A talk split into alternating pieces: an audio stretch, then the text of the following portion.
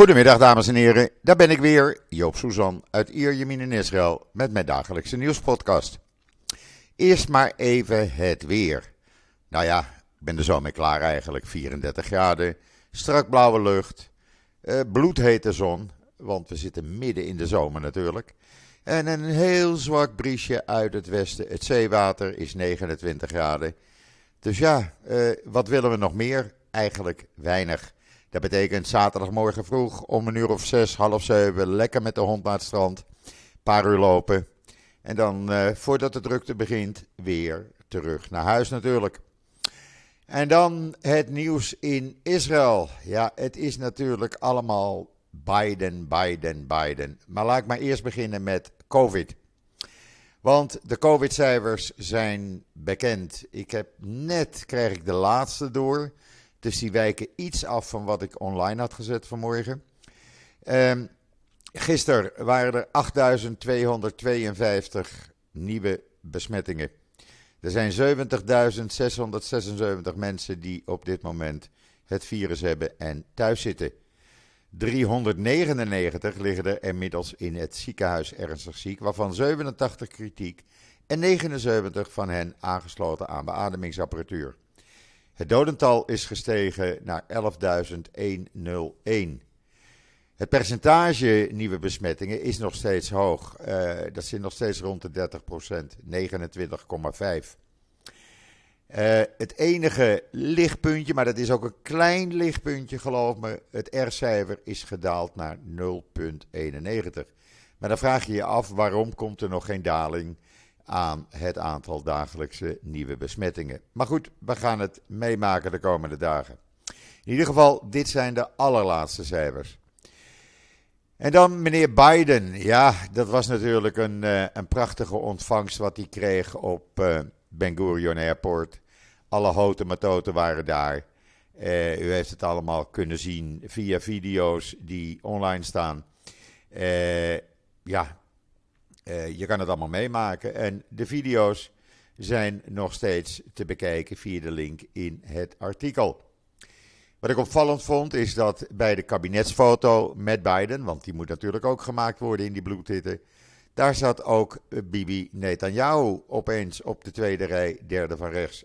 En ik dacht, hé, hey, hij maakt toch geen deel uit van het kabinet. Maar goed, hij zat er ook.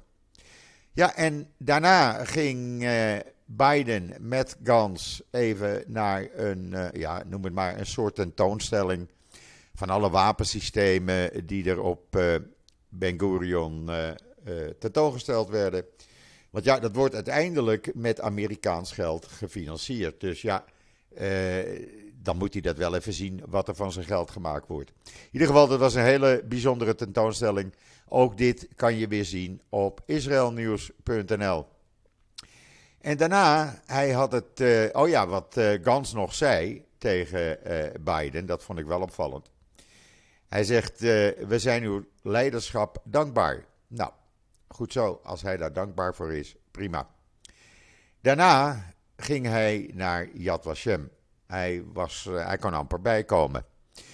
En wat ik ontroerend vond, en dat kan je terugzien in het artikel op de video, daar staat de hele Yad Vashem bijeenkomst. het is natuurlijk een krans gelegd, eh, de gebeden werden gezegd, eh, de gazan die ging zingen, ook heel mooi om te horen op de video. Het speciale gebed voor de holocaustslachtoffers, waarin alle, maar dan ook alle concentratiekampen worden genoemd. En daarna ging Biden naar twee oudere dames toe die jaren in Amerika hadden gewoond nadat ze als kind uh, de concentratiekampen hadden overleefd. En hij ging op zijn knie bij René, uh, Rena Quint en Gisela Siskovic. Ging hij, uh, ja, hij hield hun handen vast. Hij kuste hen. En hij nam gewoon de tijd. Ik geloof dat hij wel twintig minuten bij ze zat. Hij had maling aan het tijdschema. Het was echt, ik, ik moet je eerlijk zeggen, ik had er tranen van in mijn ogen. Mag ik dat zeggen? Ja, dat mag Joop zeggen. Uh, kijk die video vooral even na. Als je het te lang vindt, dan uh, scroll je even door tot dat moment. Het is ergens in het midden. Het is heel bijzonder. Daarna uh, ging hij het gastenboek tekenen. En wat hij schreef in het gastenboek, de foto staat in het artikel. Het is een grote eer om terug te zijn naar mijn emotionele thuis. We mogen nooit, maar dan ook nooit vergeten, want haat wordt nooit verslagen. Het verbergt alleen. We moeten elke volgende generatie leren dat het opnieuw kan gebeuren, tenzij we onthouden. Dat is wat ik mijn kinderen en kleinkinderen leer. Vergeet nooit. Hoe mooi is dat? En dan kan je zeggen van ja, nou de man, dat is hem allemaal al voorgezegd of wat dan ook. Nee, hij schreef het niet van een briefje over. Je kan het zien in die video, het kwam recht uit zijn hart. Heel bijzonder. Op dit moment zit Lapid uh, privé met uh, Biden. Uh, en de, de adviseurs komen er allemaal bij. Daarna gaat Biden naar Herzog toe. Daar krijgt hij ook de eremedaille van Israël. Dan mag hij 15 minuten even met uh, Netanyahu praten. Die had daarop aangedrongen. Nou, 15 minuten konden ze nog vrijmaken. En dan vanavond, ja, vanavond. Ik ga proberen de link zo snel mogelijk, zodra die er is, online te zetten. Want jullie moeten dat allemaal zien. Vanavond is de opening van de Maccabia. De Joodse Olympische Spelen, zullen we maar zeggen. En daar is Biden ook bij. Maar het gaat mij niet om Biden. Het gaat mij om dat grote sportfeest. wat vanavond officieel geopend wordt in het Teddy Stadion in Jeruzalem. Half Jeruzalem is afgesloten vandaag. Maakt allemaal niet uit. Uh, dat is een enorm feest. Ik denk dat de Olympische Spelen erbij verbleken bij de opening. Want echt, ik kan me dat herinneren van voorgaande jaren. Twee jaar geleden was het dan niet, of drie jaar geleden. Maar vier jaar daarvoor. Uh, ja, het is iets fantastisch. Het is echt een, laat ik zeggen, het is een Israëlisch spektakel. Dus ik gooi die link uh, zo snel mogelijk online in israelnieuws.nl, op Twitter, Facebook, Instagram, zodat jullie allemaal mee kunnen genieten. Want echt, het is mooier dan wat de Nederlandse televisie vanavond te bieden heeft. Geloof mij maar. En dan, wat hebben we nog meer in het nieuws? Want er gebeurt natuurlijk veel meer hier in Israël dan meneer Biden. Natuurlijk, het is alleen maar Biden. Maar, oh ja, waar ik jullie nog even op patent wil maken. Gisteravond was er een interview, en ik heb het online gezet, de link, in het Engels, met Joniet Levy. Joniet Levy is een van de ja, meest gelouterde uh, nieuwspresentatrices van Israël, Channel 12. Uh, ze draait al jaren mee. Ze was naar het Witte Huis gereisd en had dinsdag een interview met Biden. En dat werd een heel bijzonder interview. En ik raad het aan, want je krijgt het in Nederland nooit te zien. Ga het even bekijken, dat interview. Ga even naar de link kijken. Want in die link, eh, het is een interview van 12 minuten of zo. Eh, de link gaat naar een Hebreeuwse website, maar dan klik je even die video aan en dan krijg je alles in het Engels. En dan gaat hij in op uh, de huidige situatie met Iran natuurlijk. Maar hij vertelt ook over zijn ontmoeting met Golda Meir en zijn vriendschappen met Rabin en Peres. En nou ja, wie niet eigenlijk. Want uh, hij was met iedereen bevriend. Hij is al bevriend voor 40 jaar met Netanyahu, zegt hij. Het is de tiende of elfde keer dat hij in Israël is. Zijn vrouw is niet mee. De vrouwen mogen vanwege COVID nergens ook bij zijn van de Israëlische uh, leiders en ministers en houten metoten. Dus het is een mannenaangelegenheid, zullen we maar zeggen. Daarom vond ik het gisteren des te leuker dat een vrouwelijke soldaat de regie in handen had. Maar in ieder geval, ik wijs je er even op. Ga even via de website op israelnieuws.nl eventjes naar die link toe en bekijk dat bijzondere interview. Nogmaals, wat je in Nederland nooit te zien zal krijgen. En dan het Weizmann Instituut. Het zal het niet zijn natuurlijk. Die heeft een studie in Nature Immunology gepubliceerd. Uh, over schimmels die in, menselijke die in het menselijke lichaam uh, leven. En ja, dan zou je waarschijnlijk zeggen: wat moet ik nou met schimmels? Maar nou, die houden de gevaarlijke uh, schimmelinfecties, de cellen met schimmelinfecties, op afstand. Dat hebben ze in het Weizmann Instituut uitgevonden. En wil je het uh, helemaal lezen? Nou, het staat in zijn totaal, het onderzoek, in israelnieuws.nl, waar anders zou ik eigenlijk zeggen. En dan voor de mensen die uh, Israël Nieuws volgen, die hebben het gisteren al kunnen lezen. Na de terreuraanslagen die we hier in Israël hadden in maart, april, mei, waarvan er een aantal ook in ultra-orthodoxe steden zoals uh, Benai Barak plaatsvonden, is er eindelijk besloten, heeft een organisatie besloten, een burgerwacht in ultra-orthodoxe steden op te richten van ex-soldaten, ultra-orthodoxe ex-soldaten. Die krijgen een korte opleiding en die kunnen dan de politie gaan helpen en het leger gaan helpen. Eh, in het geval er, laten we zeggen, in Benai Barak of in Bet Shemesh of in Jeruzalem een aanslag zou plaatsvinden. Betekent meer mankracht, eh, mensen met wapens, dus een grotere pakkans voor die terroristen. Eh, ik vind het een hele goede zaak eh, dat dat nu gebeurt. En dat het niet, alleen op het leger en de politie aankomt natuurlijk. Lees het op israelnieuws.nl. En voor het eerst, het staat ook op israelnieuws.nl, luitenant-kolonel Or Livni is de eerste vrouw in de geschiedenis van de IDF die de lichte infanteriebataljons zal gaan leiden. Zij wordt de baas, ze is nu nog major, ze wordt binnenkort luitenant-kolonel. En ze gaat het Karakal-bataljon leiden. Dat is uh, de bataljons die de grenzen met Jordanië en Egypte bewaken. In 2014 kwam uh, Livni uh, onder vuur te liggen van smokkelaars. Die hadden machinegeweren, antitankraketten bij de Egyptische grens. En daar raakten ze bij gewond. Ze kreeg toen ook een onderscheiding later.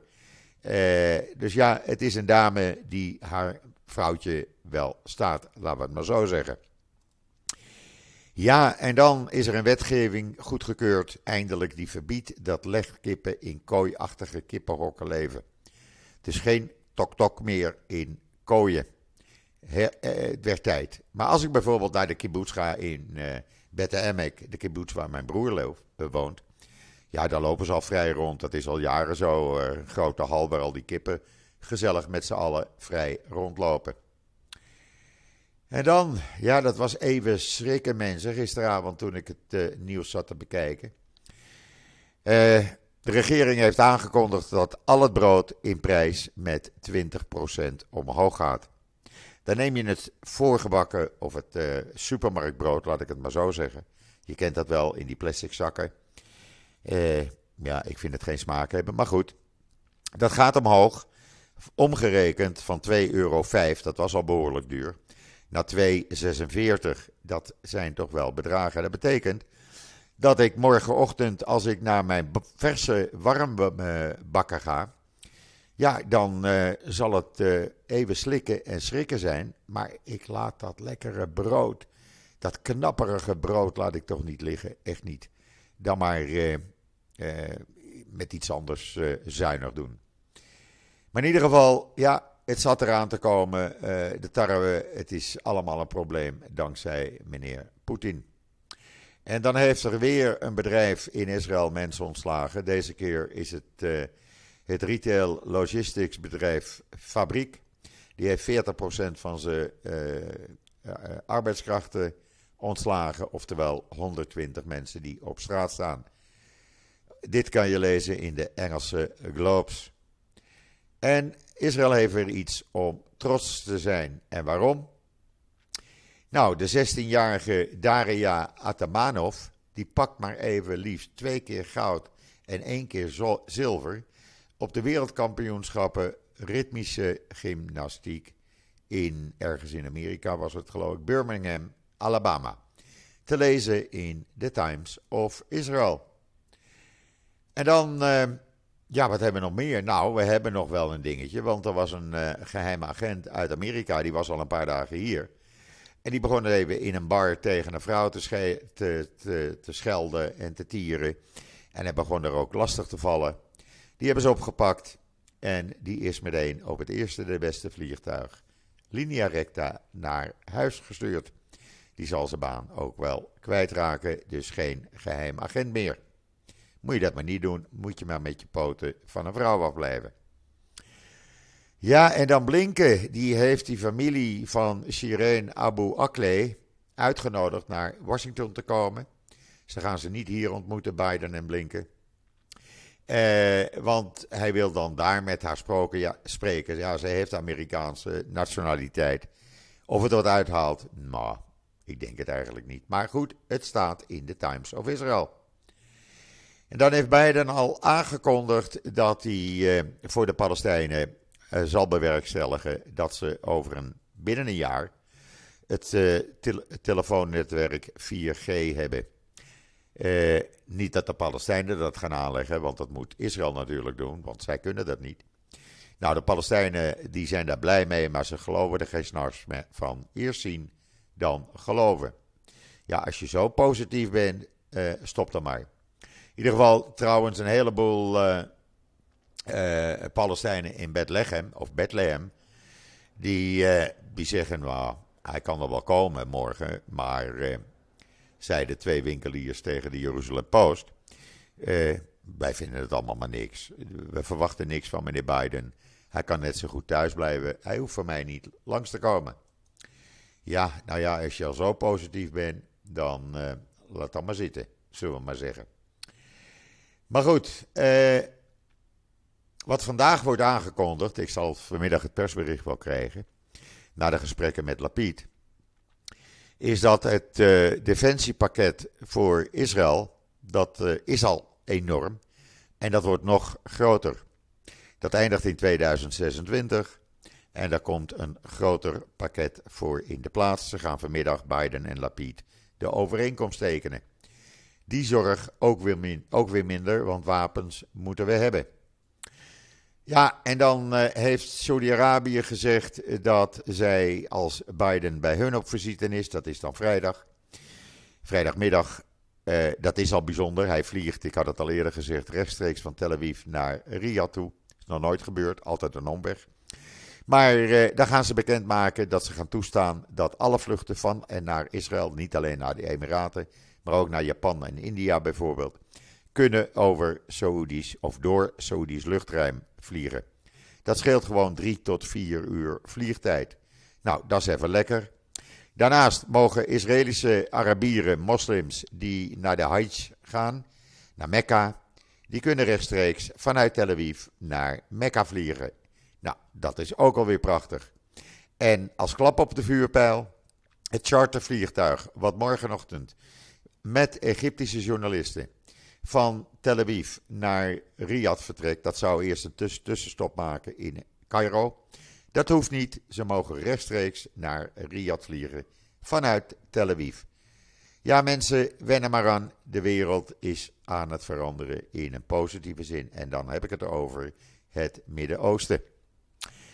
Ja, en dat was even schrikken vanmorgen dat in Polen hebben ze een massagraf met 17,5 ton menselijke as van 8000 nazi-slachtoffers gevonden. Allemaal verbrand. Allemaal uit het uh, concentratiekamp. Uh, dan moet ik even kijken. Niet, bij Soldau. Het concentratiekamp, daar staat er een heel moeilijk Pools woord. En mijn Pools is niet meer wat het was. Diazel Dowo. Het is toch even verschrikkelijk als je dat allemaal leest. Het staat in de. Het is zo'n 15.800 kilogram aan menselijke as. Verschrikkelijk. In één woord. En dan. Uh, wat hebben we nog meer? Ja, Egyptenaren. Ze zijn niet te vertrouwen. En dan moet ik even een slokje water nemen. Want ik moet er even van bij komen, mensen. Wat is er gebeurd? Er is bekend geworden dat Egyptische en Iraanse uh, officials, die waren uh, voor een of andere bijeenkomst in uh, Muscat. En die blijken elkaar in het geheim ontmoet te hebben. En dat was in Oman, Muscat ligt in Oman. En dat is gebeurd op juni 27, 27 juni. En ja, wat ze daar besproken hebben, weten we niet. Maar ja, je kan ze niet vertrouwen. Echt niet.